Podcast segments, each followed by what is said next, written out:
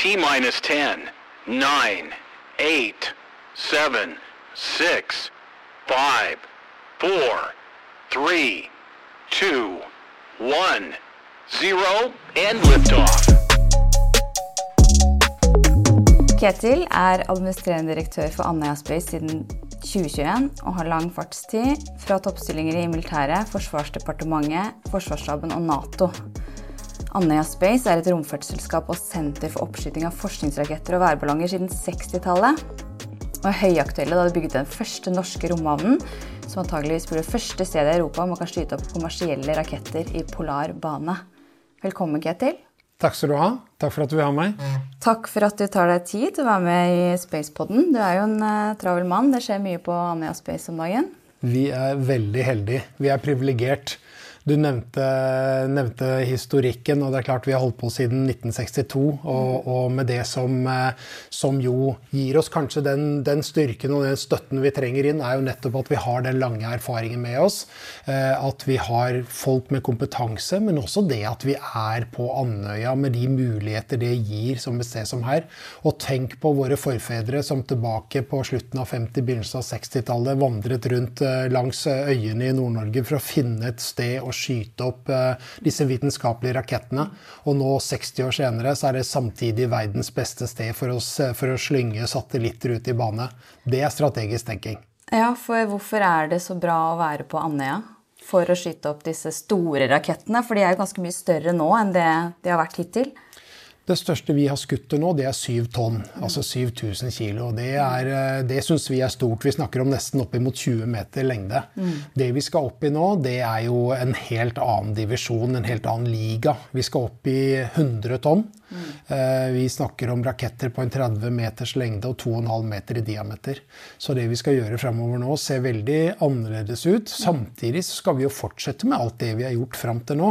Men vi får altså en, et nytt ben å stå på, og vi får altså en helt annen eh, dimensjon over det vi gjør. Mm. Hvordan har utviklingen vært opp gjennom årene, og hva har vært eh, de mest betydningsfulle øyeblikkene? Jeg nevnte første oppskyting august 1962. Eh, det var et forsøk mellom Andøya Space og Forsvarets forskningsinstitutt, og da det som er, er NASA. Eh, og så ble det da en, en, en, eh, Oppskytingen var en eh, sak fra et instrument fra dansk meteorologitjeneste, Meteorologiinstitutt. Så det som skjedde den gang, var jo at vi etablerte vitenskapelige raketter. Evne til å gå inn i nordlyset og studere det innenfra. Det som er bakgrunnen for opprettelsen. Og så, eh, opp mot slutten av 1990 og opp mot 2000, så etablerte vi det som er forsvarsdivisjonen vår. Som altså skal være der for å legge til rette for teknologitesting. Eh, det gjelder både de som produserer raketter, missiler, men også de som er brukere. Så vi har ofte norske styrker her, men samtidig også veldig mange allierte styrker med oss her oppe. Mm. Og så i 2000 så etablerte vi det som heter Andøya Space Education, som altså er um, utdanningsbiten. Vi har per i dag 2000 elever fysisk på øya hvert år. Eh, vi har eh, i tillegg 4000 studenter som vi treffer over hele Norge. Vi gjennomfører en European Space Camp på veide av European Space Agency en gang i året. Det gjorde vi nå senest i august med folk fra både Nord-Amerika De to som kom lengst, var fra New Zealand. 800 søkere på 21 plasser. Ganske fascinerende. Og dette er, dette er populært. Hvor, eh, og vi har, vi har, en rekke sånne internasjonale saker og nasjonale møter eh, som jo eh, altså undervisningsbiter, som jo gjør at når, når, folk kommer hit, så er de med på Og så bygger de, en del av de i hvert fall, bygger da sine egne instrumenter. Mm. Tester de. Eh, setter de inn i en sånn eh, brusboks. Eh, og så skyter vi det opp med en rakett for de, hvor de da i, samtidig er de som besitter alle stillingene i oppskytingen. Mm. Nå tenker jeg når du er 16-17-18-19 mm. år, får lov å komme hit, bygge instrumenter, skyte det opp og se at det virker. Mm. Da er du blodfan for resten av livet. Ja, mm. det, er det er rekrutteringsbrønn. Det er rekruttering, eksakt. Men nå er det jo et nytt kapittel med søkelys på mer kommersiell retta romfart og oppskyting av små satellitter gjennom byggingen av denne første norske romhavnen og inngåelse av det med langsiktig kontrakt med ISAR.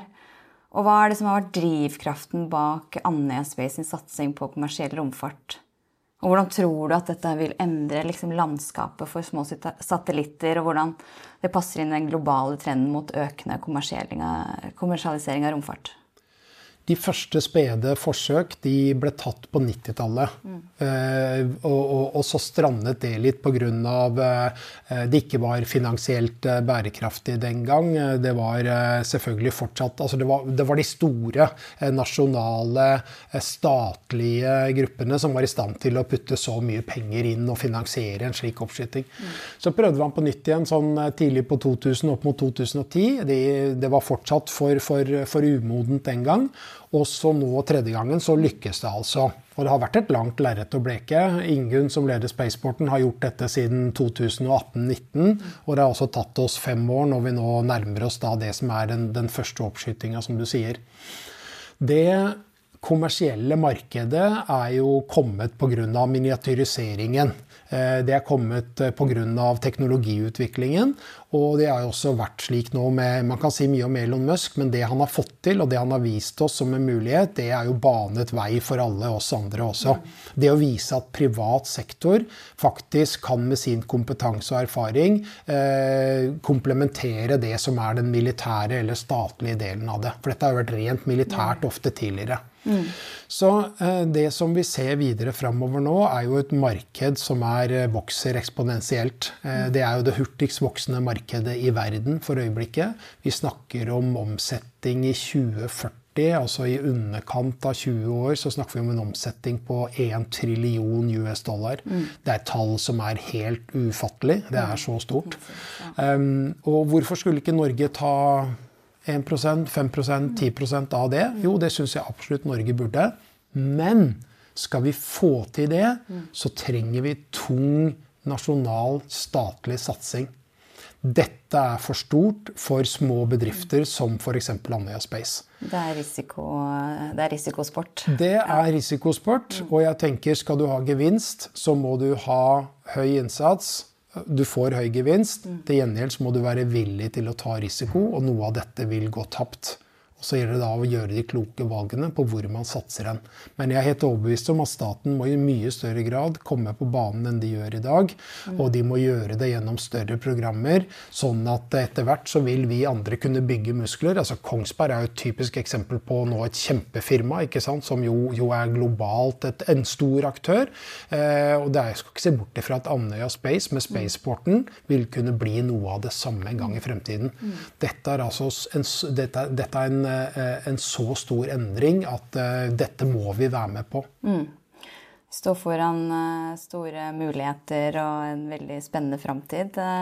Men kan du utdype litt hvordan samarbeidet med det tyske startup-selskapet ISAR kom på plass, og hva dette samarbeidet faktisk innebærer for Andøya Space og norsk romfart?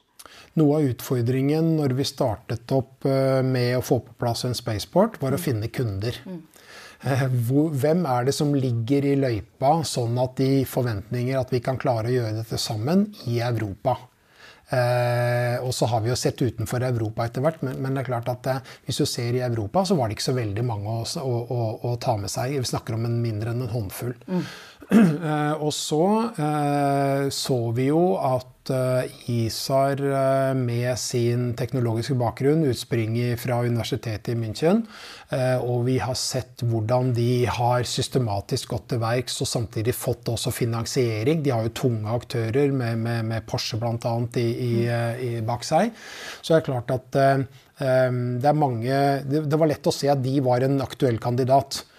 Og i det så har vi også sett at skal vi ta dette her videre, så var vi nødt til også å ha med oss noen som vi hadde tro på. Mm. Og det har vi virkelig med ISAR. Det, det de gjør, er imponerende. De, de, er systematisk, ordentlig og ryddig. Og jeg tenker at når de blir med oss på denne reisen, så er de nesten mer en partner enn de er sånn kunde-leverandør-forhold. Fordi vi kommer ikke til å ha suksess uten ISAR, sånn som det er per i dag. For de har altså en eksklusiv rett på den første oppskytingsrampen. oppskytingsrampen. Eh, ti år pluss fem pluss fem. Eh, og så har vi da samtidig um, de, eh, vi er samtidig den partneren de trenger, for de vil heller ikke lykkes uten oss. Nei. Men nå har de altså den tryggheten de trenger til å kunne gå dit og drive de oppskytinger de trenger, til de er sikre på at dette virker sånn som det skal. Mm. Og så er dere jo i planlegging for eh, to, to eh, oppskytingsbaser til. Det er vi. Eh, om ikke baser, så i hvert fall oppskytingsramper. Ja. Eh, vi skal nok ligge det på samme basen, tenker jeg, sånn det ser ut nå. Det er i hvert fall det vi har fått inn i områdereguleringen, som mm. vi diskuterer med kommunen. Mm. Eh, og eh, det er eh, litt lengre sikt, eh, men den størrelsen vi har i dag, gir altså maks 100 tonn og en nyttelast på ca. 1500 kg. Eh, det kan hende at en av disse padene i fremtiden skal bli enda større, men det er jo et marked også som må avgjøre litt hvordan vi skal gjøre det. Mm. Så det blir litt uh, å se framover hvordan utviklingen går der. Men planleggingen er i hvert fall to ramper til. Det er det. Ja. Godt hende det blir tre til også. Ja. Spennende. ja. Men hvordan tror du oppskyting av små satellitter på Andøya vil påvirke Norge da, som nasjon, og plassere Norge på kartet i internasjonal romfartssammenheng? Eh, hvis du ser på eh, Andøya, eh, som altså har to gode sjøhavner, som har en lufthavn, og som også har en romhavn, altså tre typer havner på samme lille øya, for å si det sånn, det er ganske fantastisk. Det betyr jo også for Norge at Norge har en kapabilitet som, som få andre nasjoner har. Og de andre, da snakker vi USA, Russland, Kina, India, altså store nasjoner. Så vi, vi, vi opererer i punching above once eight er, er, weight, er kanskje noe av det som ligger, ligger bak dette. Eh, vi skal um, jeg er helt sikker på at vi kommer til å, å, ønske å ekspandere. Altså dette laget som vi nå er en del av, selve oppskytingen, det betyr jo også at vi kan ta til oss marked på andre sider. Ref det nå som ble fremstilt i Strategic Framework som eh, Andøy, som nå ble lagt fram i går, mm. og som vi har diskutert i dag. Mm. Eh, så er det klart at vi kan ta mer av markeder på andre områder. Mm. Og det tenker jeg vi skal jobbe videre med. Det er en unik mulighet for, for oss, men det er også en unik mulighet for Andøy. For eh, Nordland, for, for, hele Norge egentlig. Eh, og det vil kunne gi oss en helt spesiell markedsposisjon. Jeg tenker I det øyeblikket du skyter ting opp i lufta fra Andøya, så blir vi nok mye mer synlige enn vi har vært fram til nå. Ja, sant. Og nå har jo regjeringen også nylig bevilget 150 millioner til forsterket utbygging av militære formål for å dekke militært behov og styrke sikkerhet. Og det er inngått en intensjonsavtale med Andøya Spaceport. Kan du fortelle litt mer om den satsingen, hva den går ut på, og hvordan det vil påvirke både Andøya Space, men også Andøya som samfunn? Eh, vi har jo hele tiden sagt at eh, dette er, eh, er, en satsing som Andøya Space gjør på Andøy. Altså Spaceporten som sådan regner vi med blir en totalpris på 1,3 milliarder. Stortinget har da bevilget gjennom Næringsdepartementet 367,5 millioner. Det vi har prøvd å jobbe for, er jo å få skjønne at dette er mye større enn en kommersielt. Mm. Dette er faktisk mm. også, som jeg sa i sted, det, det er en, en, en, kapabilitet som få andre nasjoner har. Mm. Så det er en statlig interesse i dette som er mer enn bare return return on investment. Det er greit at staten legger penger inn hos oss, men vi må også kunne se at den muligheten som dette gir for Nato og allierte, og ikke minst for egenevne i Norge til å kunne erstatte tjenester som blir skutt ned, eller som på en annen måte blir degradert fra rommet. Det å kunne erstatte disse tjenestene ved å skyte opp noe fra Norge, den er helt unik. Og den er mye større enn en, en, en det kommersielle. Så her tenker vi nok at her må staten på banen. Så har vi brukt mye tid på det, på å få de til å komme fram til å se det. Men det er selvfølgelig politiske beslutninger. Skjønner alt det der. Ting tar tid. Nå har vi fått det. Og nå har vi nærmest en ketsjup-effekt. Vi merker interessen fra Forsvarsdepartementet. Som nok vil være naturlig nok kanskje i lead på dette her, sånn, dersom det skal være en såkalt responsive launch f.eks. i fremtiden, for å erstatte da tapte kapasiteter. Og det avtalen vi har nå, er at vi har bl.a. Luftforsvaret til stede, som har kommet inn med, med personell og kompetanse for å være med å støtte i oppbyggingen av kompetansen. Gjensidig så får de kompetanse på sin side for hvordan man opplever rommet og det som skjer der. Og så har, man, eh, har vi da et, en, et samarbeid med, med, det som eh, er romavdelingen i Forsvaret, da, som jobber, vi jobber sammen med for å se på hvordan skal vi utnytte da, de 150 millionene. De kommer jo to år på rad. Så det er jo utgangspunktet 300 millioner kroner. Mm. Eh, og så får vi se litt på hva det betyr. De sier jo bygge sikkerhet rundt Andøya Spaceport, og det er jo nettopp fordi at eh, det er vi har bygget inn sikkerhet, men, men det, skal det være statlig og militært, så er det nok en annen type sikkerhet som må legges som et ekstra lag oppå. Eh, kommer noe i tillegg der. Eh, og så er det jo å få på plass eh, militær kompetanse i romdomenet, som det står da i den tildelingen. Så vi får se litt akkurat hva det betyr i, i, i utstyr, men det vil gi Norge noen nye muligheter framover, det også, tenker jeg så er det vel ikke bare aktuelt for Norge i militær sammenheng. Det er vel også utenlandske aktører som er ganske interessert i den strategiske posisjonen, kanskje, med Andøya mot resten av eh, verden og Russland og vi ligger strategisk til, det har du helt rett i. Det er derfor vi er så stolt igjen av disse forfedrene våre som fant en så genial plass, ikke sant? som nå fortsatt er like aktuell eh, når vi nå skal opp og skyte også ting ut i, ut i space. Så jeg tror at um, vi ser helt klart interesse fra allierte.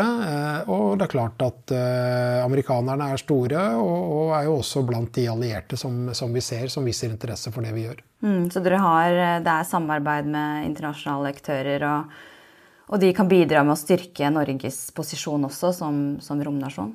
Eh, absolutt. absolutt. Og det er klart, Vi har jo fra før av samarbeid med NASA. Mm. Eh, vi har med, med, tyske DLR. Vi har med japanske JAXA. Så vi ser jo også at det er, det er, stor interesse der ute for det som vi holder på med. Som vi har holdt på med i 60 år, men også da nye, nye, denne nye satsingen gjennom romhavnen. Mm. Du har jo lang erfaring fra lederskap og strategisk nivå, har jobbet med bærekraftig implementering av endringer. Hvordan har du da tatt med deg din bakgrunn fra militæret inn i arbeidet med å lede Andøya Space? Hva er nøkkelfaktorer for å sikre bærekraftig vekst og suksess i romfartsindustrien, tenker du? Jeg tror at vi skal mye lenger på det enn det vi er per i dag. Mm.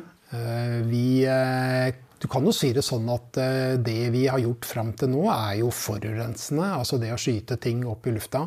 Veldig, veldig godt spørsmål du kommer med, for jeg merker jo det når jeg holder foredrag rundt omkring. Når det er yngre mennesker til stede, så er det første de spør om. Ja, men hva tenker dere på med bærekraft osv. Så, videre. mm. så det er klart at sånn som, så avhengig som vi er blitt av satellitter og de tjenestene som er der oppe, så tror jeg at sånn, det vi gjør nå, vi er faktisk med på ved å kunne, ved å kunne være med og få satellitter opp eh, som skal gjøre en jobb for verden globalt sett, så tror jeg vi er med på å gjøre også noe godt for det. Mm. Og så må vi finne måter sammen med våre kunder, i dette tilfellet per i dag ISAR, for hvordan vi kan minske det fotavtrykket på, på bærekraftsiden.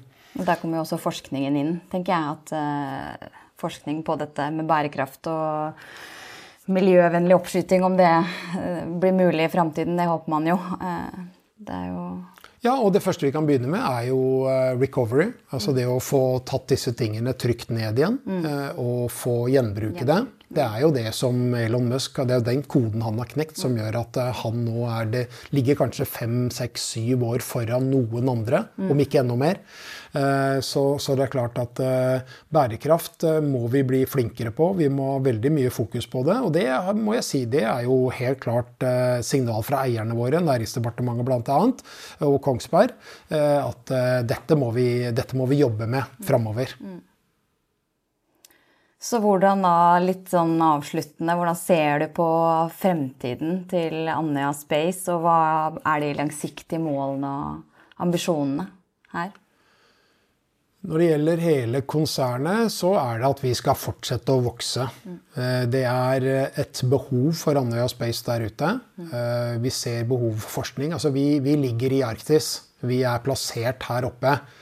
Eh, global smelting eh, den er, går firegangeren i Arktis. Mm. Så det vi gjør, er vi lever i et veldig sårbart miljø. Og vi merker det nok godt innimellom på, på enkelte områder. Eh, men eh, når det gjelder spaceport, så er det på en måte en helt egen divisjon. Det kommer til å ikke bare trippe doble vår omsetning kanskje i løpet av en tiårsperiode. Men for hele konsernet så kommer det til å bli den store, den store drivende styrken videre framover. Mm. Og da gjelder det tenker jeg, å se for seg hvordan vi skal utnytte synergien med både det vi har på vitenskapssiden, med det vi har på forsvarssiden, og med det vi gjør på utdanningssiden. Så det er mange synergier. Det høres ut som vi har fire sånn helt atskilte forretningsområder. Det har vi ikke. Mm. Her er det synergier, og vi må trekke de hele veien, så vi drar med oss alle sammen videre oppover. Og Norge er jo et lite land, men vi har jo en stor, stor del av uh, hele verdikjeden i Norge. Hvordan ser du på en måte for deg at det kommer til å utvikles nå med at vi får på plass romhavnen, og at vi kan måte, bli en romnasjon og regne med å samarbeide med hele, hele sektoren for å For det må vi jo, tenker jeg, om vi skal, skal lykkes og sette Norge på kartet. Så må vi jo stå sammen i det her og hjelpe hverandre opp og fram. Og da tror jeg du er inne på noe veldig vesentlig, som er at hvem skal være den mm. som lager Team Norway her nå? Mm. Hvem er det som skal mm. dra dette sammen? Og da trenger vi kanskje noen av lokomotivene våre til å være med og hjelpe til. Kongsberg f.eks. er et av de. Vi har jo Nammo, som også er et stort eh, lokomotiv. Eh, vi har en, en, interesseforening, NIFRO, som mm. må være med å dra lasset. Vi har eh, Novir, eh, altså Norsk Romsenter, som, som, jo er eh, regjering og, og, og Stortingets eh, rådgiver i denne sammenheng. Eh, og så har vi næringen.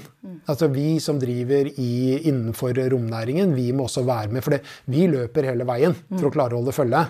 Eh, utfordringen ligger nok mye på det regulatoriske i form av eh, kommune, fylke, i form av staten som skal lage romlov osv. Så, videre.